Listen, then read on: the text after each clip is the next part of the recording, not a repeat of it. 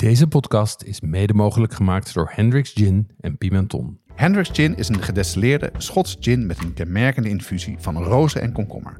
Probeer nu ook de fruitige variant Grand Cabaret. Pimenton is dé webshop voor foodies. Ze hebben meer dan duizend ingrediënten van over de hele wereld die ze snel en voordelig versturen vanuit België. Ook bij ons geldt geen 18, geen alcohol. Jonas, zijn er eh, groenten die jij altijd in de diepvries hebt liggen? Ehm, ik heb niet heel veel groenten in de diepvries liggen. Ik denk dat ik meestal ertjes heb liggen. Ehm, en endamame, de Japanse sojabonen. En eh, wat we tegenwoordig heel veel hebben zijn afsnijsels van het koken van groenten. Die we in een eh, plastic zak bewaren om een bouillon van te maken. Super handig.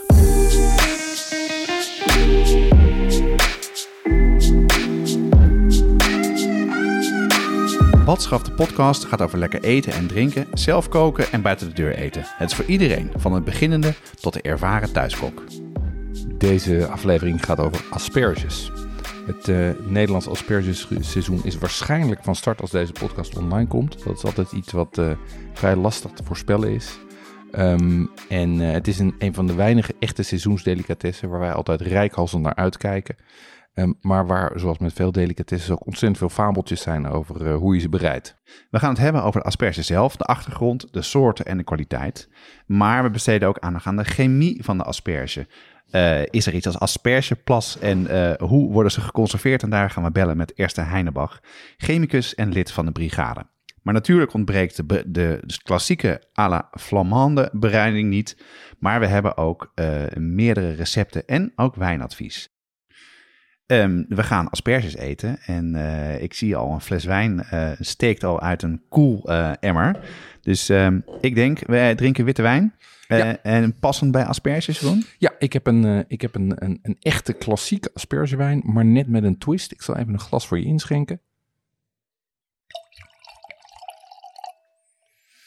En zoals je aan de vorm van Dank de fles al kan zien, is het een, een Elsasser. Ja, dus het is een, een smalle, hoge fles, hè? Smalle, hoge fles. Um, en um, uh, nou, ruik maar even. Ja, ruikt lekker. Het is, uh, ja, hoe moet je dat zeggen? Ik vind het altijd zo moeilijk om het te vertellen. Dus ga je, vertel jij maar alsjeblieft. Ja, het is, nou, het, het, wat ik vooral ruik is, uh, is citrus. Maar ook witte bloesem. Um, en wat, ik, wat, hier, wat ik hier bijzonder aan vind, is als je hem proeft, heeft hij heel veel concentratie. Vaak zijn Vaak zijn de, de, klassieke witte wijn bij uh, asperges is Pinot Blanc. Die kan wat onbeduidend zijn. Maar deze heeft, uh, dit is een combinatie van Pinot Blanc en Auxerrois. Die gemaakt is van, uh, van oude druiven. Daardoor heeft hij veel meer concentratie. Um, en heeft hij ook een klein zieltje. Ja. Um, en dat maakt hem... en een bittertje ook, toch? Ja, een, precies. Maar, maar vooral, dat, vooral die, die zieltigheid, ja. die... Um, die vind ik erg lekker daarbij en die maakt hem ook interessanter dan een gewone Pinot Blanc. Het is een Pinot Reserve van Deerler uit de Elzas. En ik denk wel een van de lekkerste um, uh, aspergewijnen die ik ken. Ja, wat ik er leuk aan vind, dat, dat zieltje wat je zegt, daar krijg je dorst van. Daar wil je van doordringen. nou, we nemen dit op in de ochtend, dus dat is een uitstekend idee. hey, um, asperges vragen om wijn. Uh, en daarom hebben wij uh, iets bedacht. Uh, we hebben vier mooie wijnen uitgekozen die uitstekend bij asperges gaan, maar ook bij verschillende soorten recepten. En daarvoor hebben we een proefpakket gemaakt samen met onze vaste wijnleverancier Okhuizen. En die kunnen luisteraars bestellen. Ja, we hebben zo'n doos met zes wijnen. Twee flessen van die Deerler die we nu net proeven. En daarnaast nog elk, één van de andere wijnen die we in het loop van deze uitzending bespreken. Um, die kan je bestellen bij, bij Okhuizen of via onze site voor 79,95. En dat is uh, een, een, korting van ruim een tientje op de normale flessen, prijs van de flessen. En we geven ook een, een doos weg aan leden van de brigade. En daar vertellen we aan het einde van de aflevering meer over. Wat waren jouw wisselwasjes, Jonas? Ja, mijn wisselwasjes waren eigenlijk een beetje rondom ehm, de deur uitgaan. het is natuurlijk nog steeds coronatijd, dus wat kan je doen dan behalve een wandelingetje? En bij mij in de buurt heb je een Mexicaans restaurant. Rosario zit in de Jordaan. Die zit eigenlijk een jaar zit hij daar. En die is eigenlijk begonnen, denk ik, een maand voordat de lockdown, uh, de vorige lockdown kwam. Mm -hmm. uh, maar nog steeds open en loopt nog steeds. Heel klein zaakje. En daar kan je ontzettend betaalbaar en lekkere um, taco's bestellen. Dan krijg je er drie, een soort van lunchboxje of vier zelfs. Maar echt ook heel betaalbaar. Onwijs lekker. En verder uh, ja, ben ik natuurlijk eh, aan de slag gaan met Thais. Ik heb een tripje gemaakt, wat je ook kan doen als een van de weinige dingen, naar de Amazing Oriental in Toko. Ehm, en daar heb ik eh, spullen gekocht die nodig waren om de, de, een thai te maken en de salade met ei die we de vorige keer besproken hebben. Dat was nog niet makkelijk, kan je vertellen. De spullen kopen niet of het gerecht maken? Uh, koop ging prima, maar de salade daarvan, ehm, dat klinkt heel simpel. En het is ook heel simpel, alleen ik heb denk ik een fout gemaakt door heel erg het recept te volgen en alles, uh, en ze heel veel, dus heel veel vissaus en dimoen in gelijke delen bij elkaar te doen en erbij te gooien. Maar je moet het toch meer als een dressing doen, zoals je normale salade maakt, wat natuurlijk super logisch is. Ja. Dus uh, hij was vrij uh, funky en heftig. Dus, Hoog op smaak. Ja. Hmm. En, en het ei moet je echt, echt soort van frituren. Ja. ik heb al wat filmpjes te kijken daarna. En dan begrijp ik het ook wel, want dan wordt het veel meer cruncher. Dus meer, veel crunchier. Maar de, de Chinese selderij heb ik prima kunnen vinden. En dat is inderdaad echt anders dan normale selderij. Leuk. En als laatste heb ik weer wat nieuws gemaakt. Uh, ik hou heel erg van India's eten. Ook uh, als je er... Je hebt wat westerse kookboeken die daarover gaan. Van Anjum Anand, hebben we het vaker over gehad. Het voordeel daarvan is dat het dus vrij snel te bereiden is. Mhm. Traditionele Indiaanse gerechten duurt heel erg lang en heel vet. En, en veel room en dingen, veel uh, kokos, kokosmelk erin. Dit is wat simpeler. En maar wat ik gemaakt heb is een biryani. En dat is eigenlijk de stampot uit India. Dat is heel populair. En uh, ontzettend goed geslaagd was dat. Wat je doet, is je maakt rijst. Die fruit je aan met wat specerijen. Mhm. Mm -hmm. daarna doe je er water bij en dan kook je het tot het, tot het niet gaar is, maar vijf minuten ongeveer. Ja. Daarna maak je een, een saus van veel verse kruiden, koriander, munt en andere specerijen. En daarmee uh, bak je, marineer je de kip in. Mm -hmm. En die ga je op een gegeven moment ook uitpakken en uh, daar een masala en saus van maken. Als het allemaal klaar is, Um, dan maak je eigenlijk een soort lasagne. Je maakt eerst een laag rijst. Ja. Uh, dan doe je daar de kip overheen. En dan weer rijst en weer kip en weer rijst en weer kip. En als laatste maak je safraanmelk. Dus wat safraandraadjes in melk. Mm -hmm. Dat giet je er als laatste overheen. Met wat ghee of wat boter erbij. En dan in de oven. En dan eet je dat met, uh, met geroosterde amandelen en, en rozijnen en geroosterde uien. Echt topgerecht. Ik zit te kwijlen, Jonas. Ja, ik zal een linkje naar dat recept zal ik op de site zetten. Heel goed. En jij, wat heb jij gedaan de laatste tijd? Nou, voordat ik ga vertellen wat ik heb gedaan, heb ik een, heb ik een verrassing voor jou staan. Ja, ik zag het al staan. Um, ja. Er staat hier een, staat hier een bord op tafel. Um, en we hebben altijd een, een, openingsvraag aan het begin. Deze keer ging die over diepvriesgroenten. En um, ik heb één keer gehad dat daar uh, veel reacties op kwamen. Dat was toen we het uh, hadden over het doden van een dier. Oh. Maar we hebben nu nog meer reacties gehad. Ik voel hem al aankomen. Want Moet ik Jonas, een frikandel gaan eten? Zeker, oh, zeker. god. Jonas bekende namelijk dat hij nog nooit een frikandel had Nee, dat gegeten. klopt, dat klopt. En uh, daarvan kreeg, daar kregen wij een aantal reacties op. ik ga even een foto maken hoor. Um, en ik heb hier. En de leukste reactie kwam van, van de heren van Le Friek. En dat zijn jongens die maken, een, um, uh, die maken frikandellen. Maar die maken ze zeg maar op een, op een meer kwalitatieve manier. Dus die gebruiken goed vlees. Um, die uh, hebben een. Uh, en en die, die, die kruiden hem fijn af. Hoog uh, vleesgehalte, weinig vulmiddel. En die zei: Ja, maar het is belachelijk dat Jonas nou de frikandel heeft gegeten. dus wij komen. De beste frikandel van Nederland. kom ik bij je langsbrengen. Dus gisteren stond er hier iemand op de stoep met een doos frikandellen. Um, en het leuke is dat het. Um, ik heb hier drie dingen voor je neus liggen. Um, en uh, dat is uh, één naturel frikandel, één frikandel speciaal. En daarnaast hun eigen um, uh, Le Friek Uniek. En dat is een frikandel die ze een hele andere kruidenmelange hebben gegeven. Dus ik stel voor dat we die even gaan proeven. Ja, nou, ik, ik neem een aspergewijn erbij en ik ga lekker voor het eerst van mijn leven frikandellen eten. Dus waar begin ik de eerste? Ja, hè? beginnen met het. Dit is gewoon de klassieke frikandel. Mm. Ja. Jij hebt niks gemist. Best lekker, maar Nou, nu begrijp ik waarom de frituur beneden aanstond. wij, um, uh, ik vind deze frikandel, als ik hem met andere vergelijk, is hij iets grover van structuur. Ik vind de smaak wel lekker. En wat de, de, wat de, de belangrijkste smaakgever aan, uh, aan frikandellen is, is uh, nootmuskaat. Nou, Oké. Okay. Of foelie. Um, maar Nu in- fri frikandel speciaal. ja, dat is speciaal. Dus ik heb speciaal met curry of speciaal met ketchup? speciaal met ketchup gedaan. Ik eet mijn frietjes liefst speciaal met curry. Oh, Begrijp ja, er maak- niks van. Nou, lekker. Nou. Niks mis mee, toch? ik Maar- proef, proef wat, blijft wat minder over van de frikandel. Nou, wat ik lekker vind, Maar het is wel is lekker. dat je natuurlijk eerst die mayonaise en die ketchup en het uitje hebt. en nu daarna komt, die, ja. komt die smaak van die frikandel. Ja. Ehm, en, ehm, en ook hier Lekker kruidig is die, hè? Ja, en, en, en je proeft dat het mondgevoel dat het wat grover vlees is. Het is natuurlijk goed vlees. Dus je houdt ook wat meer, Dat hoop ik. wat rul over. Ja, nee, daar zijn ze heel, zijn ze heel streng in. Ja, maar dat is de reden waarom ik het eigenlijk niet eet. Niet eh, omdat ik een soort, soort snop ben. Helemaal niet met eten. Maar, Aha, mhm, ja. nee, maar ik heb gewoon eh, alle verhalen daarover. En we aten dat gewoon nooit thuis. Dus ehm kroketjes waren er wel. Nou, dan kun je natuurlijk ook afvragen wat erin zit. Laatste. Dit is de speciale. Dit is hun eigen eh Le Unique. Deze vind ik wel lekker. Ja, ik ook. Want die is heel... ehm, Proef je wat erin zit? Jonas kijkt bedenkelijk. nou, iets van kaneel of sterrenijs of... Hier zit uh, venkel door. Oh, venkel. Ja. Ja. Dat- oh ja, natuurlijk. Ja. Dan proef je meteen. Ja. Als je het zegt, dan, dan komt het meteen naar boven, ja. Ehm, en, eh, Oh, lekker. en het mooie is, Nou, hier hebben we voor het ook- eerst van mijn leven. Voor de eerste van de- het is een, een, een historisch moment.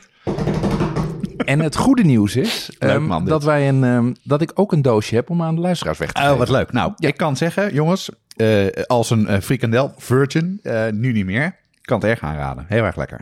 Ja, dus ehm, Dat ik het ooit nog zal zeggen in mijn leven, zeg. ik zou zeggen, kom naar de site, ehm, meld je aan.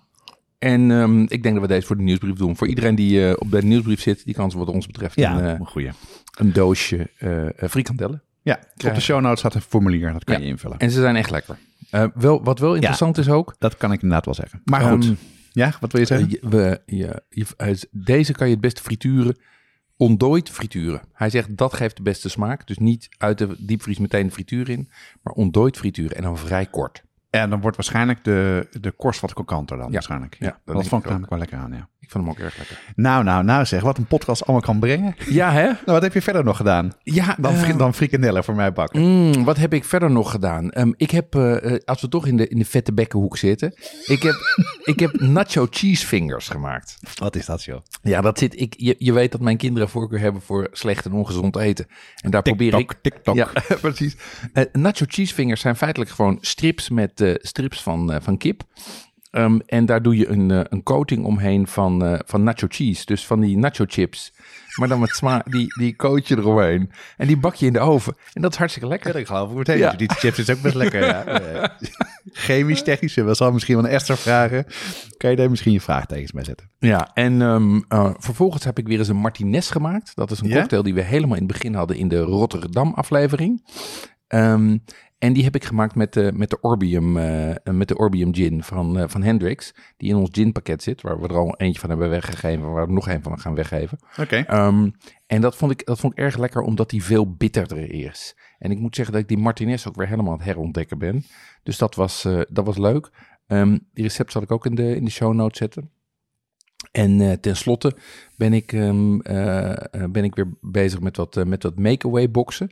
En ik heb nu een, soort van... Wat, wat van boksen? Ja, make-away. Je hebt natuurlijk, je hebt natuurlijk take-away. Hè? Dus dat is zeg maar gewoon afhaal. Oh, make-away. En make-away is dat je er zelf wat meer aan moet uur in doen. de keuken staat. Ja, nou, dat is. Ik, ik merk dat ik over het algemeen nu in die weghaal, in die, in die afhaalboxen, dat ik het beste resultaat meestal krijg met dingen waar ik zelf nog een beetje aan moet doen. Want als het helemaal kant en klaar is, zeg maar, dan overleeft het toch vaak de reis niet goed. Ja. Ehm, als ik echt heel uitgebreid moet staan koken, dan wordt het weer werken. En dan verzin ik liever mijn eigen recepten. Maar wat ik dus in de afhaal eigenlijk ideaal vind, zijn die, zijn die make-away boxen. Dus waar een groot deel van het werk al is gedaan. En je hem alleen maar hoeft te assembleren. Ja. En wat ik hier had was erg lekker. Was een taco box van La Condessa. Ehm, die leveren eh, eh, taco's van uh. Die kennen wij wel. Ehm, en ik had er hier dan met eh, drie verschillende vullingen. En met pibil. Dus dat is, een, dat is zeg maar varkensvlees. ehm eh, ge, ge, gebarbecued bar- varkensvlees. Ik had hem met, met beef. Ehm, en ik had hem met ceviche. Oké. En eh, dan krijg je dus... Ceviche? Ja, met ceviche. Maar, maar dat zijn dus tostadas. Dus gefrituurd en dan met ceviche erop. En dan krijg je dan die, die taco's eh, he- helemaal in elkaar? Of is het los van elkaar? Nee, je krijgt, zelf- dus, je krijgt dus los taco's. Je krijgt los die drie vullingen. Ah, ja. Je krijgt salsa's en garnituur. Ehm, dus je hebt iets van 10 of 12 doosjes staan. En daar maak je dan eh, vier gerechtjes mee. Ah, ja, grappig, ja. En dat vond ik, ik vond dat erg lekker. En ik vond het ook echt value for money. Ehm, want voor weet ik wat, 70 euro of zoiets, waren we met z'n vijven eh, helemaal eh, eh, uit en thuis. Met vier verschillende gerechten. Dus dat vond ik een, vond ik een ontdekking. Ja, dat is hetzelfde wat ik dus met die met Rosario had gegeten. Het is ontzettend smaakvol.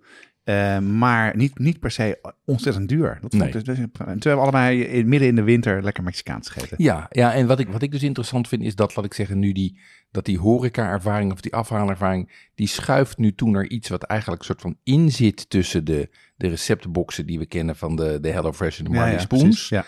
En het pure thuisbezorgd afhalen, openmaken en leeg eten. Zowel qua prijs als qua eh, product. Dus En ook qua is- complexiteit. Hè? Exact. Het wordt wat minder ingewikkeld. Eh, en het, dat vind ik wel interessant om te kijken in hoeverre dat gaat doorzetten als, eh, als we gewoon weer naar de restaurant zouden kunnen gaan. Dat blijft wel, toch? Ja, ik, kijk, ik vind dit ideaal. Ik, heb, ik, heb, ik geef er voor de voorkeur aan om zo'n make-away box te doen.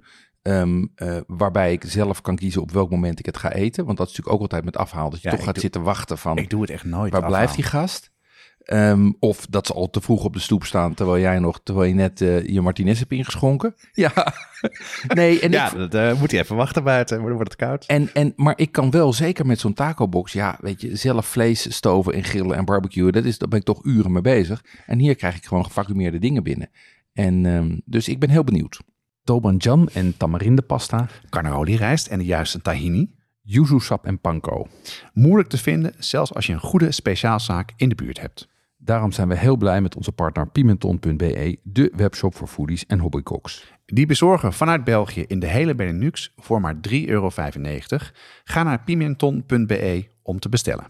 En leden van de brigade krijgen 12% korting. Actuele kortingscode vind je onder andere in de nieuwsbrief. Nou, van Mexicaans naar asperges, dat is een kleine stap. Eh, maar ik kijk er heel erg naar uit. Je gaf al aan, het is een soort van delicatesse waar je op zit te wachten. Dit zijn echt een van de seizoengroenten waar ik echt naar uitkijk om ze te maken. En ze alleen maakt dan witte asperges als in het seizoen zijn. Nou, asperges bestaan al best wel lang, maar nog niet zo lang in Nederland, toch? Nee, eigenlijk is het zo dat eh aspergeteelten zijn de eerste sporen van aspergeteelten en ook eh, eh, in opgravingen, die zijn echt al duizenden jaren geleden gedaan. Echt waar, joh.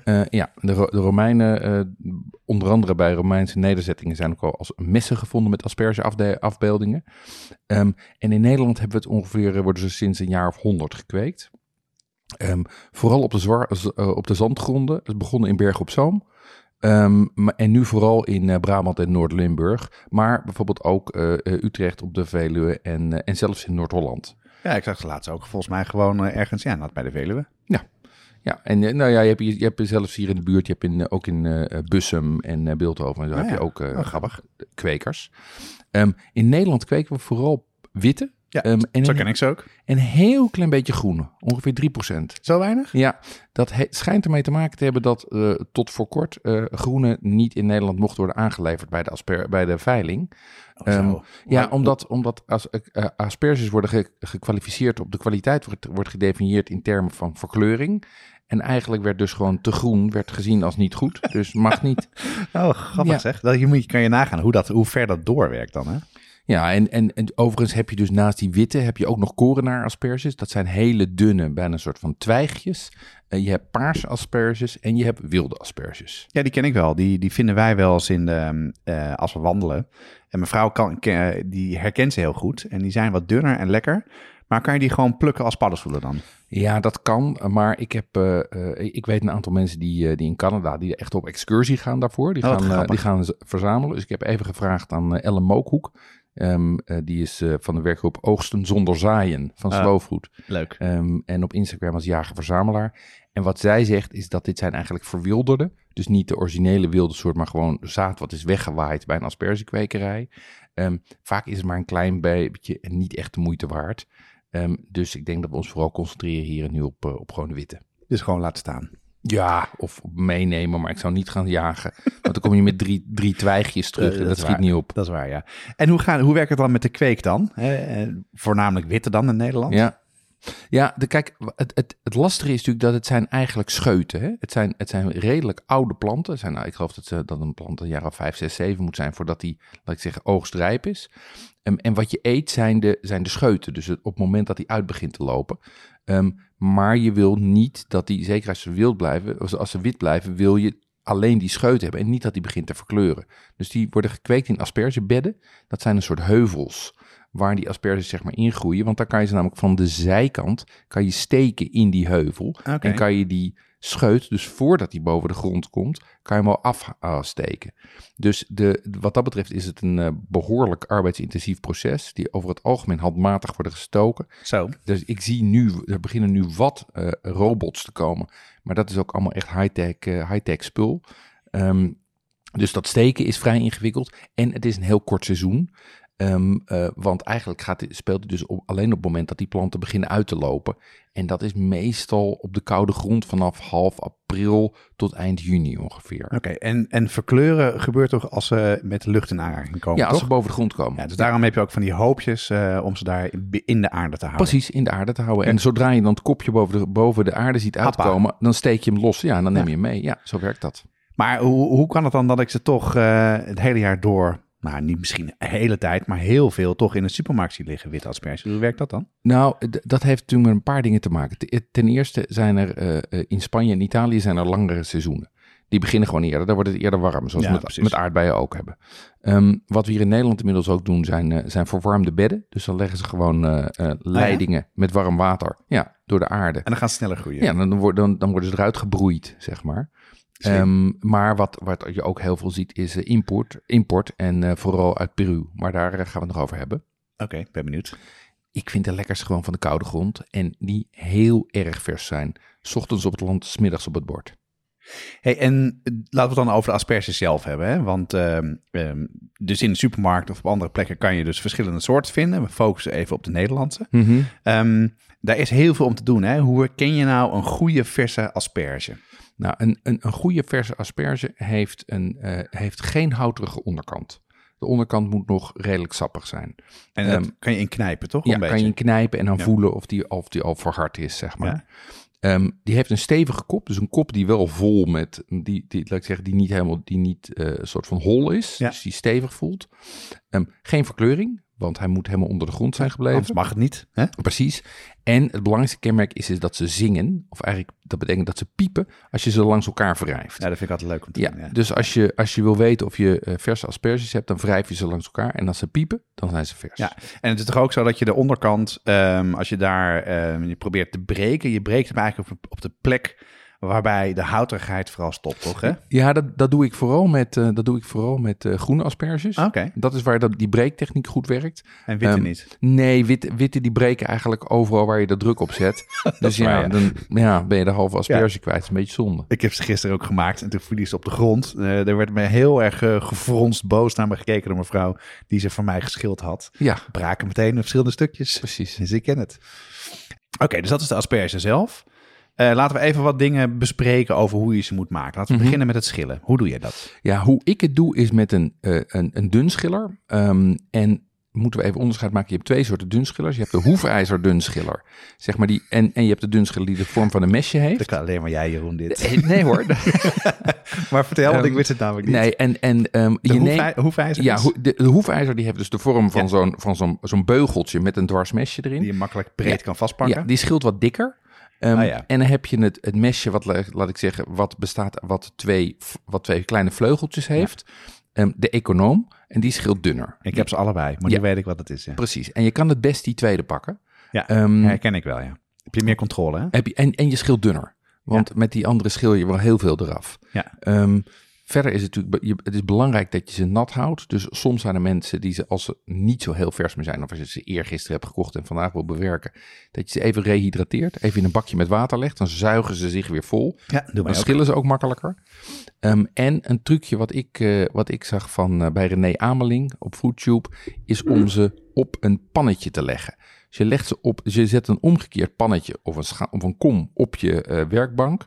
En daar leg je de asperge op en dan schil je. Want dan vallen de schillen zeg maar daarnaast. In plaats van dat je tussen zo'n steeds grotere berg schillen staat te schillen. Slim. En, Ja. dan, en, en schil jij ze ook dat je het kopje vasthoudt en van het kopje naar beneden Ja. schilt? Ja, van je af. Ja, dan, dan krijg je het, eh, dan krijg je de, dan schil je het, het meest efficiënt, heb je het kleinste risico op breken. Maar dat, dat pannetje is ook handig Ja, tegen slim. breken. Ja, René Ameling die we net noemden, die heeft een heel goed filmpje op eh, FoodTube staan over hoe je ze schilt en, eh, en ook over hoe je de kwaliteit herkent. Ja, dat zetten we wel even bij de show notes. Dus eh, leuk om te kijken. Dan koken. Ehm er zijn veel verhalen over. Ik herken het zelf ook. Ik heb heel erg veel dingen uitgeprobeerd. Aspergepannen, sous vide en allemaal dat soort dingen. Hoe eh, kook jij ze? Dan zal ik zo vertellen hoe ik ze maak. Ja, wat, wat ik tegenwoordig doe, is dat ik, eh, eh, ik, heb, ik heb van die, ik denk dat bijna iedereen die wel heeft, tenminste ik zie ze heel vaak terugkomen, zo'n rechthoekig bakje van de IKEA, Ja. RVS. Heb ik ook. Ehm, daar passen ze precies in namelijk. Ehm, en die zet ik gewoon als een, als een pan op het vuur. Ehm, daar, daar leg ik onderop leg ik de schillen. Dan leg ik de asperges erbovenop. Dan vul ik hem met eh, eh, water. En dan zet ik hem aan. En vervolgens la- hou ik hem tegen de kook aan. Ehm, en ik doe er geen, ik voeg geen smaak toe. Eh, René Ameling, die we net al noemden, die gooit er foelie bij en witte wijn en suiker en zout. Ik doe dat allemaal niet. Ik voeg alleen een heel klein beetje zout toe. Ehm, en dan doe ik ze, zeg maar, kook ik ze over het algemeen 8 tot 10 minuten als ik ze verder ga bereiden. En 12 tot 15 minuten als ik ze zo ga eten voor à la flamande. Oké. Maar het belangrijkste is om er gewoon af en toe in te prikken. Want ik hou ervan als ze een beetje al dente zijn. En niet suf gekookt. Ik zat even in de dikke Van Dam te lezen.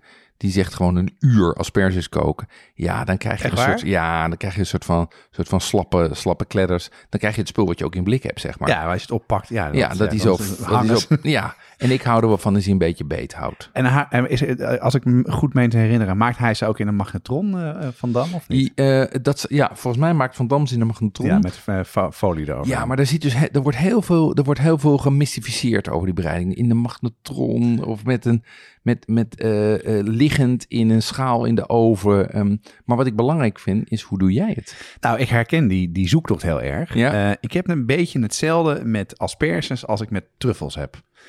Zei de voetsnop, Mhm. die nog nooit, nooit frikandellen gegeten had. precies. Ik vind het vaak tegenvallen. Ik vind de smaak vaak tegenvallen. Ik, heb, ik verheug me altijd heel erg op de asperges. En Ja. dan kook ik het en dan denk ik, ja... Komt vaak wel, als je kookt ze, dan loopt er heel erg veel smaak weg in het Mhm. vocht. En vaak zijn ze nog best wel nattig. Dat speelt denk ik wel mee. Eh, dus ik heb echt best wel lang zitten kijken wat ik doe. Hoe ik ze nu eh, tot nu toe gemaakt heb, is in een aspergepan. Dus een pan, hoge pan waar een, eh, een rekje in zit, die Ja. je makkelijk uit kan halen. Ja, Eh, net zoals jij doe ik de schillen erin. Eh, Maar ik maak daar toch iets meer een soep van. Dat hij dus echt goed veel smaak heeft in het vocht. oké. Dus je, maakt, je trekt zeg maar eerst de smaak uit die schillen en daarna ga je erin koken. Ja, en vaak soms dan eh pureer ik het nog zelfs wel. Dan doe ik het erbij. En dan heb ik eigenlijk ook een aspergesoep als ik klaar ben met het koken van de asperges. Ja, slim. En, en ik, breng ze, eh, ik zet ze op. eh, ik breng ze tot aan de kook en dan doe ik ze uit. En dat wer- werkt bij mij eigenlijk wel het allerbeste om de juiste consistentie te krijgen. Want ik ben het helemaal met je eens. Het is niks erger is dat je ze dan eruit pakt en heel slap zijn en, en geen weerstand hebben. Nee, Maar wat ik nu heb gedaan, Jeroen, Ja. ik heb namelijk een sous vide apparaat. ik weet het. Dus ik heb ze gisteren sous vide gemaakt. Aha. En eh, dat werkt als volgt. Ehm, je doet gewoon hetzelfde, je schilt ze. Ja, Ehm, ik heb ze dan in zakken gedaan met wat boter ja, en een klein beetje citroensap. Ja. En dat ga ik volgende keer weer anders doen, zal ik zo vertellen. Ehm, en dan eh vacuumeer je ze en dan doe je ze met een, op 88 graden eh, watertemperatuur. Ja. Ongeveer 25 tot 40 minuten. Dat vind ik al best wel een grote marge. Dus Ja. ik heb ze gisteren 30 minuten gedaan. En dan kwamen er dus echt perfect al dente uit. oké. Maar Maar, ik voel hem maar komen. Ja. ik werd helemaal gek gisteren. Want, Nou, ik had dus die zakken gemaakt. Ja. En eh, voor de mensen die een sous apparaat hebben, wat de eerste stap die je doet, is dus in die plastic zak in een soort vacuumeer dingetje doen. Ja. Dat is eigenlijk wat je. Eh en dat, dat, dat zuigt het lucht eruit en, en sealt het meteen. Hè? Ja. Het wordt heet en dan wordt het plastic smelt en dan komt het, Ja. blijft het dicht. Wat gebeurt er nou als je op de knop drukt? eh vacuumeren en sealen automatisch. Dan gaat hij namelijk heel hard trekken. ja, dan zuigt hij een vacuüm. En zuigt hij hem vacuüm. Wat zit er in een asperge? Water. Vocht. En wat gebeurt er? Dat vocht dat trekt omhoog. Dat hij blijft maar door, eh, Ja. doorzuigen, om het zo maar te Smelt zeggen. hij niet dicht? Smelt hij dus niet dicht. Ja, ja, Ik dacht dat ik gek werd. ja, ja, ja, ja, herkenbaar. Dus ik heb het uiteindelijk handmatig gevacuumeerd. Zodat Ja. hij dus niet het water eruit trok. Ja, En daarna kon ik ze wel goed dicht krijgen. En dat was wel de uitdaging om ze goed ondergedompeld te houden. Omdat er wat meer vocht in zit. oké. Maar daar heb ik een mooi apparaatje voor. eh, waarbij het soort een rekje in mijn bak zit. eh, waardoor ik ze naar beneden kan houden. Het resultaat was echt wel heel tof. Eh, ook omdat het namelijk ongeveer dezelfde kooktijd heeft. Het duurt een half uurtje. Ja, ze blijven echt lekker en bite. De, de, de, de smaak blijft erin zitten. Mhm. Maar wat ik zei over dat citroensap, dat, ehm, dat was, dat had ik er in die zak gedaan, maar het was, had op een, een aantal asperges had die citroensmaak en die andere dus niet. Oké, Dus ik ga nu, denk ik, en ik had er ook wat eh, ham bij gedaan, die werd een beetje in die zak. in die zak. qua, qua smaak lekker. Ja, ja, ja. Wat ik deed, meestal wat ik namelijk doe, is ik doe boter met ham, dat bak ik op. Dat de smaak van de ham Ja, ook een beetje ja. in de boter gaat zitten. En dan een eh, gepocheerd ei. Ehm, maar dat werd een beetje, eh, ja, niet lekker. Nee. Maar ik ga dus de volgende keer een saus maken met boter. Misschien een beetje met die schillen. Ja. Eh, en zodat dat een, eh, gewoon dat de smaak in het geheel in, die, in dat vocht zit. Dat een beetje bij de asperges doen en dan voorzichtig vacuumeren. En dat, dat is wel, wel een blijvertje. Heel goed. Dus jij at ze gisteren à la Flamande. Ja, en het voordeel van zo'n eh van sous vide is dat je dus die waterbak hebt. Dan kan je ook je eitjes bijgooien. Ik had, dacht dat ik het goed getimed had, dat ik eh, gepocheerd had, maar dat had ik nog net iets lang laten staan. Dus dat wordt een volgende stap. Maar dan kan je dus op een bepaald moment de eieren even in het water erbij doen. En dan ben je in één keer klaar. Dan breek je ze open en dan breek je eigenlijk een soort van gepocheerd eitje open uit je schil. Helemaal top. Dus ja, dat is mijn manier van... Mijn, even- kijk, de reden waarom ik ook sous vide heb... is omdat mijn aspergepan eh, is gaan roesten. Die heb ik weggegooid. Ja. Dus eh, dit is mijn manier om eh sous vide, of, asperges sous vide à la flamande te maken. Maar ehm, ik ken die term, eh, à la flamande. Maar waar komt die vandaan? Weet jij dat? Ja, à la Flamande is natuurlijk op zijn, op zijn Vlaams. Ehm, en dat is eigenlijk de klassieke bereiding, hoe wij dat, eh, hoe wij dat kennen. Dus dat is eh, gekookt en dan met geprakt ei en boter ehm, en gestoomde nieuwe aardappelen. Heel veel mensen eten er ham bij, maar dat is niet traditioneel. Traditioneel is eigenlijk een vegetarisch gerecht. En à la Flamande is ook hoe wij ze in eerst altijd... De eerste asperges eten we eigenlijk altijd à la Flamande. Ik ook. En dan drinken we natuurlijk wijn bij. De wijn eh, waar we mee begonnen zijn. En ik kan me nu al voorstellen, als ik even die smaak terughaal van, van gisteren, past die daar heel goed bij. Daarvan, die zitten ook in de, de doos eh, die je kan bestellen. Ja, daar hebben we er twee van ingedaan, omdat de meeste mensen toch beginnen met à la Flamande. En nou ja, wat dat betreft is dat gewoon een eh, echte klassieke aspergewijn. Wij eh, gaan even bellen met eh, de een van de leden van onze brigade, namelijk Esther Heinebach. Zij is eh, chemicus, heeft in de industrie gewerkt, staat nu voor de klas. Maar belangrijker is Bourgondier en Limburger. Dus als wij het hebben over, over asperges, is zij de expert bij uitstek. Ehm, en ik wil even een aantal vragen met haar bespreken. Ehm, hallo Esther. Dag Jeroen. Goedemorgen. Wij gaan het even hebben over, over asperges. Ehm, Lekker. en mijn, mijn eerste vraag is eigenlijk: als ik naar de wc ga en dat ik asperges eet, dan ruik ik dat altijd meteen. Hoe komt dat? Ja, dat komt omdat eh, in je lichaam zit een enzym. En die eh, zet een van de stofjes eh, uit de asperges om in, ja, in dat, in dat rare geurtje. Ja. Geuren die wij vaak als vies bestempelen, die hebben eh, vaak zwavel erin. En Aha. inderdaad, hier ook ehm, blijkt dat er methaantiol in zit. Dat is dus inderdaad iets met eh, zwavel en dimethyldisulfide voor wie echt chemisch wil gaan. En ehm, ja, dat komt, we hebben in, of in asperges zit asparaginuszuur. oh, misschien mis ik een stukje. Eh asparagesinezuur, to- echt een tongbreker. Nou, ehm, en dan ook nog een afgeleide stof eh, daarvan. Die zorgen ook echt voor die kenmerkende asperge eh, smaak hè, en geur. Ja, Geur en smaak gaan eh, vaak samen. Hè? En eh, dat zuur, dat wordt dus eh, door dat enzym in het lichaam omgezet in, eh, in die zwavelhoudende stoffen. En dat eh, zorgt voor die typische aspergegeur in je urine. Niet iedereen heeft er trouwens last van. Er zijn mensen die dus dat enzym niet hebben. Maar je kunt dus niet eh, voorkomen dat je, het, eh, dat je het krijgt. we hebben het net al even gehad over asperges uit Peru. En eh, asperges uit Peru, die, die, en we hebben het ook gehad over het belang van verse asperges. Hè? 's Ochtends op het bord, 's ochtends op het land, middags op het bord. Maar die asperges uit Peru, die komen hier met de boot naartoe. En die blijven dus weken goed. Ehm, hoe doen ze dat? Ehm, de- ja, ze moeten natuurlijk zorgen dat ze niet ehm, rotten of hè, dat er schimmels hun werk gaan doen of andere bacteriën. Dus ze zullen die asperges echt goed moeten wassen. Doen ze misschien hier ook, weet ik niet zeker. hè, je had het, geloof ik, laatst over die een aflevering van de Keuringdienst voor Waarde. En daar vertelden ze dat ze de asperges wassen met perazijn. Wat is perazijn? Dat is een ontsmettingsmiddel, um, agressiever dan gewoon azijnzuur.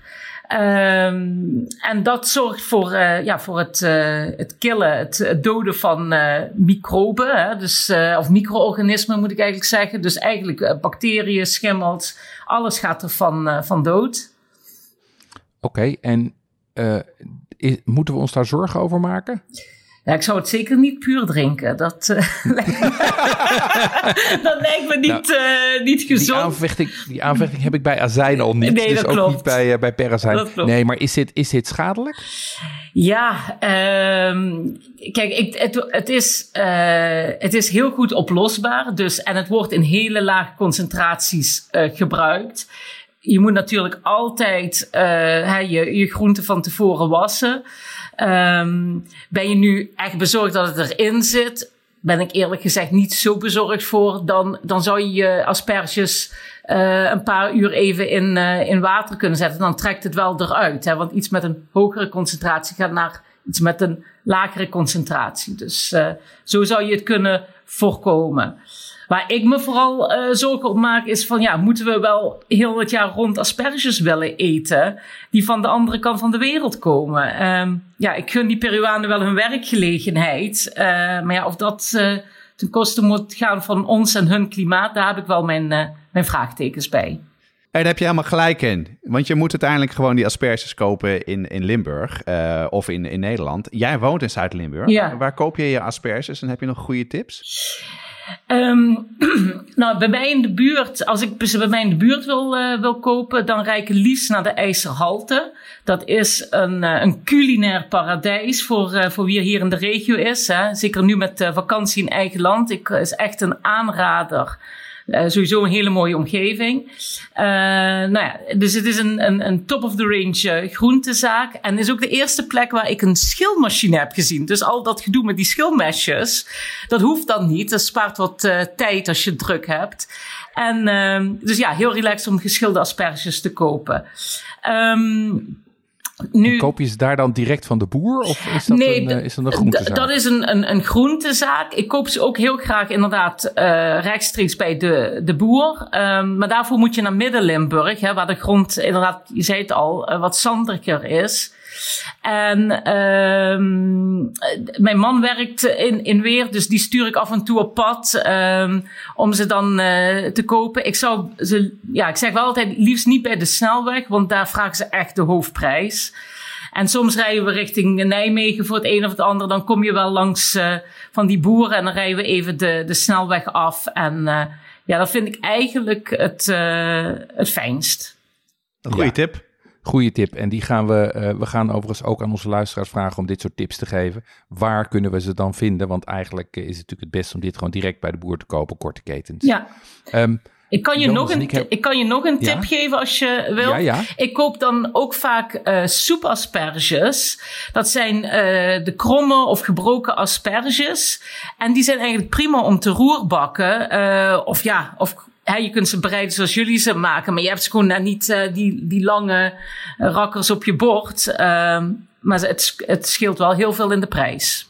Ja, nou, dat is heel goed. We hebben natuurlijk een aantal recepten straks ook waar ze gewoon in stukjes ingaan. Dus dan is het een heel goed idee om dan uh, soepasperges te nemen. Um, Jonas en ik hebben net verteld hoe wij onze asperges bereiden. Hoe bereid jij ze over het algemeen? Ja, dat is een, uh, ja, een vrij aparte manier als ik dat aan mensen vertel. Ik heb me laten inspireren door, uh, door Eke Marien in het boek Cook and Chemist. En, maar ik heb zelf dus een bereidingstechniek bedacht door ze in de oven te bereiden. En dan niet, zeg maar, sous vide methode met water, maar ehm, eigenlijk een, een beetje te roosteren, maar op een hele lage temperatuur. Zo'n 100 graden. Dan verdampt er weinig vocht. Um, hè, want eh, als je ze in water gaat bereiden, dan, dan gaan die, eigenlijk al die smaakstoffen in dat water zitten. Daarom maken ook veel mensen aspergesoep daarna. En ehm, dus wat ik doe is, ik uh, doe er wat zout op. Ik uh, smeer ze in met uh, zonnebloemolie. Ik leg ze gewoon op een bakplaatje. En dus zoals ik zei, 100 graden in de oven. Ja, dan proef ik gewoon wanneer, ik ze, wanneer ze klaar zijn. Uh, dat kan 20 minuten zijn, kan iets langer. Een beetje diezelfde tijd als bij dat uh, sous vide, merk ik. En ze mm -hmm. worden ontzettend knapperig en ook best zoet. En uh, ja, mijn man wil ze eigenlijk niet meer anders eten. Nou, top. Uh, Esther, dankjewel voor, onze, voor de chemische uitleg, voor de tips over waar asperges te kopen. Ja, en, en de bereidingswijze. Um, ik begin al helemaal trek te krijgen in asperges. Ja. Dankjewel. Tot ziens. Dag Jeroen. Tot de volgende keer. Dag.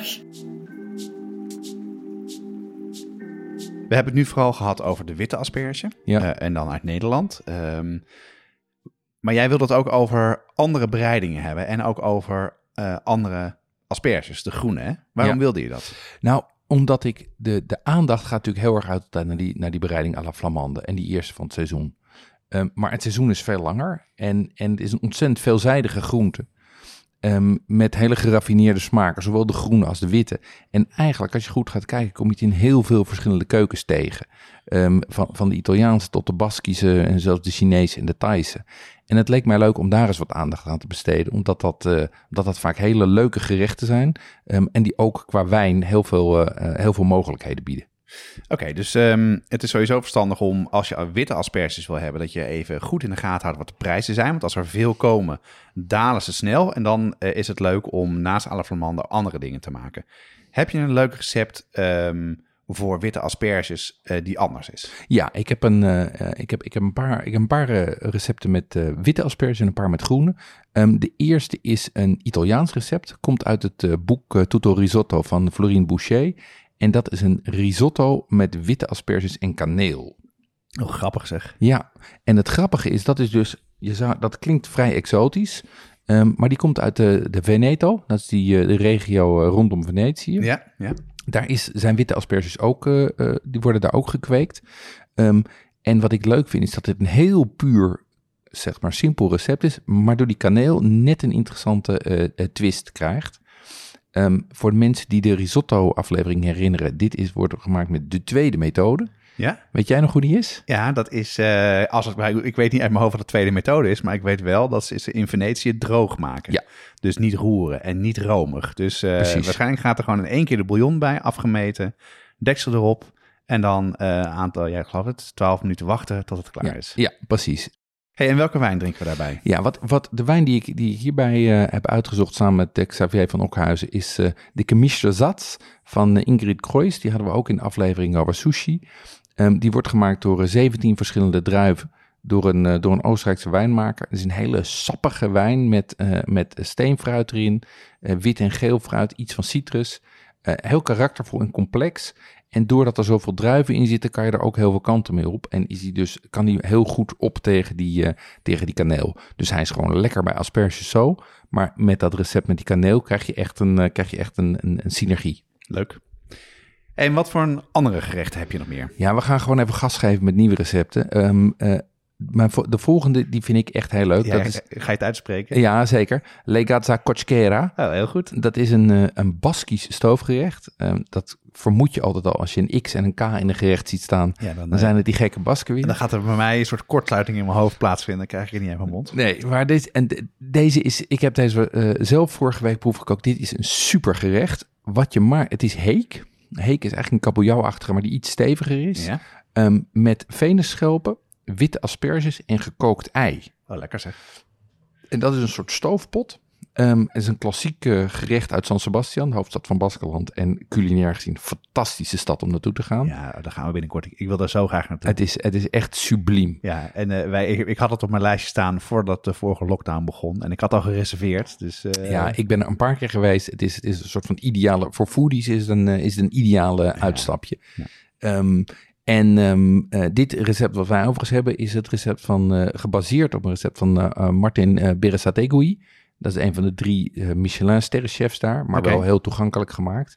En um, uh, Berber, die we, die we net al noemden, die heeft dit recept vertaald. Want dit was natuurlijk in het Spaans. En dat moest even worden omgezet naar het, naar het Nederlands. En het is een hartstikke mooi vol gerecht met een hele bijzondere structuur. Ehm, ja, echt een, eh, een, echt een heel leuk gerecht om te maken. En wat drinken we daarbij dan? Daar drinken we een, een lokale witte wijn bij, eh, een witte Rioja. Want de Rioja Alavese, dat is het noordelijk deel van de eh, Rioja, dat ligt ook in Baskeland. En onder het motto, ehm, when it grows together, it goes together. Ehm eh, pasta is er heel mooi bij. Ehm, het is een witte Rioja. We kennen meestal vooral de rode Rioja's. Absoluut. En dat is ook niet voor niets, omdat witte soms wat vlak kunnen zijn. Maar deze wordt heel hoog gekweekt, eh, op 650 meter, waardoor die heel veel eh, eh, frisse zuren heeft en complexiteit. En wordt gemaakt door Sandra Bravo, die op dit moment Best Young Winemaker was van 2020. Ik vind het wel grappig, want Baskeland is natuurlijk ook best wel groen. Dat heeft ook een reden, want daar regent het veel. Ja. In de golf van Biscayen. Ehm, dus het verbaast me wel dat daar ook, eh, ook veel wijn wordt verbouwd. Ja, nou dat is, dat is zeg maar in dat zuidelijk deel van Baskeland en noordelijk deel van de Rioja. Daar wordt dus eh, daar wordt fors eh, wijn verbouwd. Ja, mooi. Ehm, en je hebt overigens in Baskeland zelf verbouwen ze Chacoli. Dat is ook een, een, een witte wijn. Is ook erg lekker. En is dat die witte wijn die je heel hoog moet inschenken om er veel lucht uit te laten komen? Exact, exact. Prachtig altijd, Ja, ja. ja, ja, die je laat plensen. Hield mijn vader altijd van. Ehm, dat zijn allemaal witte aspergegerechten. Heb je ook eh, iets groens met groene asperges? Ja, ik heb twee gerechten met groene asperges. Eén is een van mijn eigen recepten. Dat is een eh, hartige taart met groene asperges, eh, groene kruiden en jonge geitenkaas. Ehm, en dat is eigenlijk een vrij simpel gerecht, een door de weeks gerecht. Ehm, van een, eh, je neemt een, eh, eh, eh, van bladerdeeg, bak je een bodem blind. Ehm, en daar leg je vervolgens eh, hele asperges in, eigenlijk gewoon in lagen. Maar dan kruiselings, dus een laag in de lengte en dan een laag in de breedte. Daartussen doe je stukjes eh, jonge geitenkaas. En vervolgens giet je daar een liaison overheen. Dus dat is een, een, een, een mengsel van crème fraîche, eieren en heel veel eh, verse kruiden. Dragon, peterselie, kervel. Oh, Die giet je eroverheen en dan bak je hem af in een, eh, in een half uurtje. En geen eieren dus. Ja, ja, ja, ja sorry. Ja, de, in die liaison zitten eieren, Ah, ja, crème fraîche en, en die kruiden. En dat is, een, dat is eigenlijk een soort kiesachtig gerecht. Maar door die groene asperges en door die kruiden krijgt het echt een hele andere dimensie. Ja, goeie zeg. Ook hier hebben, heb jij weer wijn eh, uitgekozen. Ja. Eh, weer een witte wijn? Ja, hier, hier ga ik echt voor een super klassieke match. Namelijk voor een, eh, een Sauvignon Blanc. Dat is sowieso een klassieker bij asperges en bij geitenkaas. En dan kies ik echt voor de klassieke Franse Sancerre. Ehm, eh, en een eentje die wat steviger is. Ehm, die, is met, die, dus die heeft dan kruidigheid en kruisbessen. ehm, maar ook wel mineralen. En die heeft een opvoeding gehad sur lie, dus op gist. En dat geeft hem net een ronde. Opvoeding. Zijn vader en moeder hebben hem goed toegesproken. Zo, ze hebben hem, ja, ja, dat betekent gewoon dat ze het gisteren in laten zitten. Ja, en, eh, en dat, dat maakt dat hij dat hij ook op kan tegen die crème fraîche en dat ei, wat geeft ook een beetje een vette eh, eh, mond. Dus dat is echt een, eh het is een super combi. Hey, en zijn er ook, eh, kan je ook eh, rode wijnen drinken bij asperges? Heb je... Ja, dat is natuurlijk ingewikkelder, want de, het smaakpalet zit meer in het, in het eh, ehm, het witte spectrum, hè? in het witte spectrum. Maar als je naar, rode asper- en als je naar groene asperges gaat, Ja? dan krijg je het meer als een groente. En zeker als je het dan combineert met rundvlees, Ah, dan ja. kan het weer wel goed. Sowieso zijn gegrilde groente, groene asperges misschien wel mijn favoriete bijgerecht bij gewoon een, een biefstuk. Ehm, eh, heel Amerikaans is dat om te doen. Hè? Daar krijg je ze vaak in steakhouses. Kan je eh, eh, groene asperges als side krijgen. Oh, dat wist ik helemaal niet. Ehm, maar ik heb hier helemaal een exotisch recept. Dat is namelijk groene asperges geroerbakken met biefstuk en gefermenteerde zwarte bonen. Dat is een Chinees gerecht. Ik ben heel benieuwd. Ja, dat is, hier thuis is het een klassieker. Die maken we denk ik al twintig jaar. Het komt uit het boek van Ken Hom. Ken Hom Hot Wok. Dat is een, nou, wat ik zeg, een Chinees roerbakgerecht met biefstuk en groene asperges. En vervolgens gaat er eh, gember, knoflook, sojasaus en oestersaus bij. Oh, wauw. Dat is wel veel, ja. Ja, dat, dat maakt hem En dus... ook nog eh, zwarte bonensaus. En zwarte bonensaus. Ja, zwarte bonen in geheel. Dus niet de, de pasta. Niet de pasta, maar de Ah, zwarte bonen. De gefermenteerde zwarte bonen. Maar die zijn vrij zout, toch? Ja, die zijn vrij zout. Dit is dus een, dit is een, een gerecht met heel erg veel smaak. Ja, inderdaad. Ehm, en dat maakt hem dus ook moeilijk te matchen met wijn. Maar als dat lukt, dan krijg je ook wel iets heel bijzonders. Ehm, Welke en- dan? Ja, ik, wat ik hier, waar ik hiervoor heb gekozen in overleg met, eh, met eh, Xavier van Okhuizen, is voor een uh, Saumur Champigny. Dus dat is een rode wijn uit de Loire. Nou, lekker. Ehm, en Domaine de Rocheneuf. Dat Dat is een Cabernet Franc. En Cabernet Franc heeft van zichzelf al uh, vaak die, die groenigheid en die grassigheid. Maar omdat dit in 2018 is, wat een heel warm jaar is, is hij wat, wat voller en wat ronder, wat minder streng. En, en daardoor krijg je dat, dat, het rijpe fruit en daarmee de rondere tannine geven het een hele mooie ondersteuning en zorgt ervoor dat hij echt op kan tegen die enorme smaakbarrage van, uh, van, van, van die groene asperges met die zwarte bonen en dat bief en die soja. Dus dit is ook echt een hele leuke pairing. Dat uh, ziet er super interessant uit, want het is ook een gerecht wat je denk ik snel maakt. Hè? Dat roerbakken is uh, goed voorbereiden, maar dan ben je vrij snel klaar. En deze wijn erbij, nou, ik ik zet hem op het weekmenu. Even die wijn even regelen, maar dat komt wel goed, denk ik. Ja, je kan, wat ik dus zei, we kunnen al die wijnen kan je in een proefpakket bestellen. Um, uh, bij Okhuizen of via onze site. Uh, zes wijnen, 79,95. Normaal 89. Dus uh, je hebt ook nog tientje voordeel. Ja, wat ik heel leuk vind, want jij, jij had het hier in het begin over. En toen dacht ik, ja, ja goed, zes wijnen bij asperges. Maar ik zit dan inderdaad toch in à la Flamande in mijn hoofd. Ja. En ik vind het heel leuk dat je dus verschillende versies hebt, hebt gebreid. Met, met dus die vis en, en met de beef. Dus ik, ik begrijp nu heel erg goed wat je bedoelt met die wijnen. En ik kijk er wel naar uit. Ik ga er wel mee aan de slag. Ja, zou ik doen. En overigens, de wijnen zijn zo divers.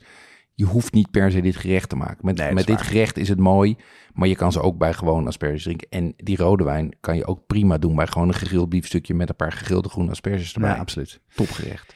Hey, dan hebben we het over uh, even naar de witte asperges. Ja. Uh, want dat is eigenlijk de aanleiding om nu daar een aflevering over te maken. Omdat het seizoen begint en de prijzen gaan dan dalen. Um, uh, um, Esther gaf al een goede tip om, als je in het zuiden van, van Nederland bent en je rijdt daar over de snelweg, om niet te stoppen, wat ik altijd wel doe, bij die tentjes. Dus dat ben ik daar Esther al heel dankbaar voor. Dus maar even de, de weg af te gaan. Um, hoe gaan hoe, hoe kom je aan asperges? Ja, ik denk dat we, daar wil ik echt een beroep gaan doen op onze luisteraars. Um, want het is best ingewikkeld om te weten waar je dan de goede aspergeboeren kan vinden. Um, die jongens zijn ook niet allemaal helemaal op internet. Soms wel, maar um, soms niet. Wij hebben, vorig jaar hadden wij een actie, die kan je je wellicht herinneren. Dat een van onze kennissen, die reed heen en weer naar, uh, naar uh, Limburg. En die begon met, ik geloof 30 kilo asperges. Maar in de vierde run ging hij al 140 kilo meenemen. Nee, veel meer man. Ja? 300 kilo was 300 kilo, nou, ja. ja. Bij mijn, mijn pand heb ik echt, nou ja, ik denk ik wel 15 buren heb bediend. En die gingen vaak voor 2, 3 kilo hoor. Ja, ja, maar dat is natuurlijk, als je, als je la Flamande eet, is dat natuurlijk ook ideaal. Um, en, maar de vraag is dus, waar kunnen we dat krijgen? Dus dat willen we graag van jullie horen. Dan maken we er een blogpost van. Um, en dan gaan we het gewoon op alle uh, provincies zetten.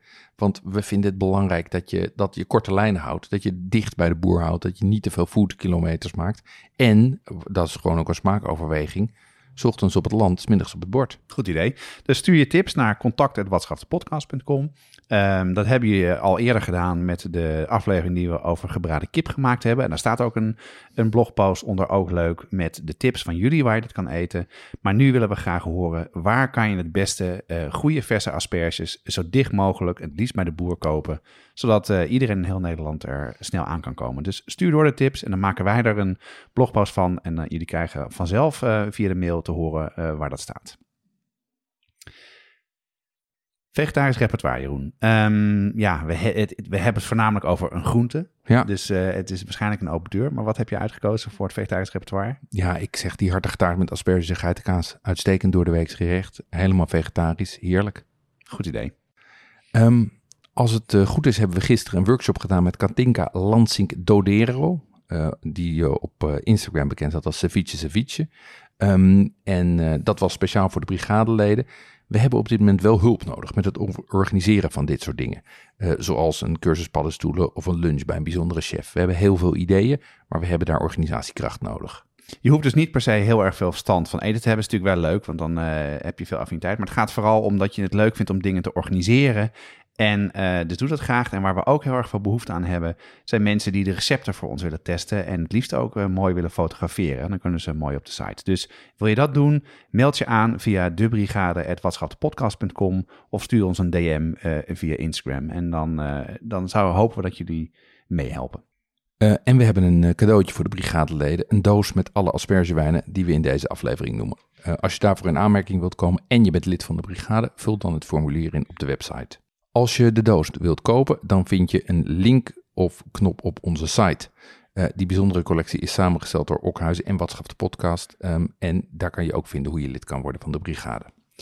Uh, we hebben nieuwe donateurs. Uh, Bart Kompernol, Rob de Klein en Alice Boonstra. Alice de Wilde, Ronald Bangma, Jacco Kuppens. Marinka Schippers, Miranda Keizer en Laurens Voet. Marleen Gerritsen, Aniek Lummens en Natasha Roda. Dank voor jullie donatie. Echt heel tof. Deze podcast wordt gemaakt door Jeroen Doezet en mezelf, Jonas Nouwen. De online productie van de show notes en recepten door Corianne Dodewaard van Straathof. En de brigade door Jesse Burkunk. Reacties kun je sturen naar jonas.watschaftepodcast.com of jeroen.watschaftepodcast.com of stuur een DM via Instagram, Facebook of Twitter.